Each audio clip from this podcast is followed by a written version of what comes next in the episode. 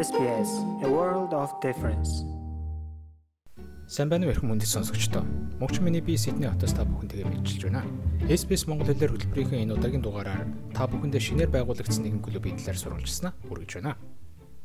Өнгөрсөн бямб гарагт Австралийн Сидней хотноо нэгэн тэмдэглүүлжтэй үйл явдал болж өнгөрлөө. Тодорхойлбол Австрали улсад оршин суугаа эмэгтэйчүүд хүүхдүүдэд тулгамжгүй альва асуудлыг шийдвэрлэхэд шаардлагатай туслалцааг олж өгөх. Тэднийг чадварчуулан хөгжүүлэх. Хоорондын хамтын ажиллагааг нь хөгжүүлэн дэмжих зорилгын хүрээнд Австрали Mongolian Sisterhood клубыг байгуулсан байна. Энэхүү клубын анхны ивент нь Ladies First хэмээх нэтворкийн өдөрлөг байсан ба бизнесийн төлөөлөл, зочин илтгэгчид нийлсэн 40 орчим эмэгтэйчүүд бүрэлдсэн ирсэн байлаа. Тэдний дунд өөр ингэсэн бизнесээ эхлүүлж, аль хэдийн доктор сурчлаа олсон нэгнээс эхлээд ирээд удаагүй ч нэгэн байсан юм. Тус клубыг үүсгэн байгуулж буй хүсэл тэмүүлэл дөрөн дөрвөн эмэгтэй нэг бол оюун туяа юм. Австрали улсад ирээд аль хэдийн 10 гаруй жилиг ардаа үзсэн тэрээр Allied Pinnacle компани шинэ өмнөд Wales, Queensland мужийг хариуцсан тээвэр зурчин зохицуулагчаар ажиллаж байгаа нэгэ. Одоо би гурван найзтайгаа нийлээд тэгэхээр Байка, Лавга төгсөө бид дөрөв нийлээд одоо Mongolian Sisterhood гэж клуб анх байгуулъя гэж одоо нилийн одоо он гарснаас хойш нилийн дөрүлээ ярилцж агаад тэгээд ерөөсөө ингээд дөрүлээ ингээ хоорондоо ярьсан чинь бүгд ингээд Монголынхоо хүүхдүүдийн ирээдүй болон эмэгтэйчүүдэд тулгамдж байгаа асуудлуудад санаа зовдөг. Тэгээд бүгдээрээ ямар нэг юм хийя гэж шийдээд тэгээд энэ клуб байгуулсан. Бидний хамгийн гол клубын зорилго бол эмэгтэйчүүд бүсгүүчүүд бид өөрийгөө таньж мэдэх одоо яг сэтгэл зөрчин юу хүсэж байгаа түүн дээрээ төвлөрч ажиллах. Тэгээ бож бүтэхгүй байгаа зүйлс дээрээ зүйлсээ одоо бөөнөрөө хилцэж ярилцаад санал бодлоо хуваалцсан гарц шийдэл хайж цаашлаад одоо эмгтэн хүн ямар байх ёстой яаж өөрийгөө хайрлах уу? Өөрийн үн цэннээ мэдрэх үр хөвгтэй багаас нь өөртөө ихтэй нийгмийн хариуцлагатай иргэн болж төлөвшүүлэгт нь чиглүүлж бүх одоо эмгтээчүүдийг хамтарч ажиллах зорилготой ийм клуб байгуулагдсан юм аа. Харин анхныхын ивентийн талаар тэрээр дараах тайлбарыг өгсөн юм. За өнөөдрийн ивентийн зорилго бол бид нар яг клубийнхаа зорилго чиглэлийг танилцуулах тэ яагаад энэ Mongolian Sisterhood гэж клубыг байгуулж байгаа. Жугаар нь одоо Австралийн Сидней хотод бизнес хийж байгаа бүсгүүчдэд тэдний бизнесийг дэмжиж нэг бусдаа танилцуулах ийм гол ивент. Тэгээд бид нар э, энэ бизнес хийж байгаа 10 бүсгүй байгаа. Дээрэс нь 4 guest speaker байгаа. Тэгээд ажил амьдрал, бизнес, одоо карьер өдрөөр амжилттай яваа тийм дөрвөн бүсгүй урьж оруулсан байгаа. Уг өдөрлөгт өөрийн бизнесийг танилцуулах зорилгоор хүрэлцэн ирсэн зочдын нэг нь насан жаргал байсан юм. Тэрээр Австрали улсад сууршаад 20 орчим жил болж байгаа бөгөөд ажлынхаа хажуугаар хобби болгон гараар гоё чимэглэлийн зүйл хийх болжээ. Анх яаж эхэлсэн бэ гэхээр 12 жилийн өмнө хүүхд гаргаад гэртээ сууж байхдаа энийг эхэлсэн. Тэгээд жоохон хүүхдтэй очиос хүүхдээ бас зүгээрэл авахгүй тулд те энийг ингээ хүүхдтэйгээ хоёлаа. Одоо энэ жишээ зарим юмнууд манай хүүхдүүд миний охин хийсэн юмнууд 12 настай хүүхэд. Тэгээд сүүлийн 10 жил яг ингээ би 7 хоногийн хагасаа бүтэн санд гар урлалын зах дээр гарч зарж байгаа. Гэтэ энэ энэ корона ихсэнээс хойш өдрөөсөө гараагүй л те. Тийм тэгээд яг уу болж байна болж байна. Харин ийхүү эмэгтэйчүүд нэгэн хүсэл тэмүүллийн зүг сэтгэл нэгдэн ажиллаж игэж буй талаар тэрээр ин үгүүлж байлаа. Аа энэ бол яг Австралид байгаа эмэгтэйчүүд ер нь энд бол ер нь айгүй хэрэгтэй асуудал л та. Энэ дөрвөн охиныг бол би дөрүлэнгийн анх ирсэн цагаас эхлээд мэднэ.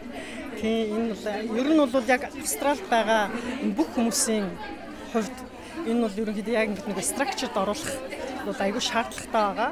Энэ дөрв бол айгүй зоригтой тий ийм юм хийж байгаа бас бас боломжтой биднэрт бол. Хин хинд нь нэг нэгнээс суралцсан нэг нэгнтэйгээ танилцсан. Яг үдээ үед бол тэ хүн болгон гэртээ хоригдсон байгаа ийм үед бол сэтгэл санааны хувьд ч гэсэн одоо амар их юм зарахтаа биш тэ өнөөдрийн хувьд бол бас би биентэйгээ танилцсан. Би бол аюу excited л байна. Тийм. Тэгвэл эмэгтэйчүүдэд тохиолдож буй нийтлэг асуудлын тухайд? Манай миний бодоход шүү дээ эмэгтэйчүүдэд тулгардаг асуудал бол яг өөрийнхөө эрхийг гэдэг юм үүргийг үүргээ мэдж байгаа ч гэсэн өөрийнхөө эрхийг мэддэггүй асуудал маш их байдаг юм байна.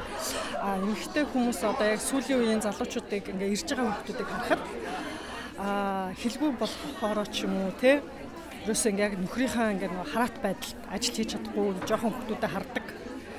Тэгэхээр зэрэг гадагшаа гарья гэхэд хэл дутдаг асуудал байдаг юм байна. Найз нөхөдгүй асуудал их байдаг юм байна гэж би бодоод байгаа.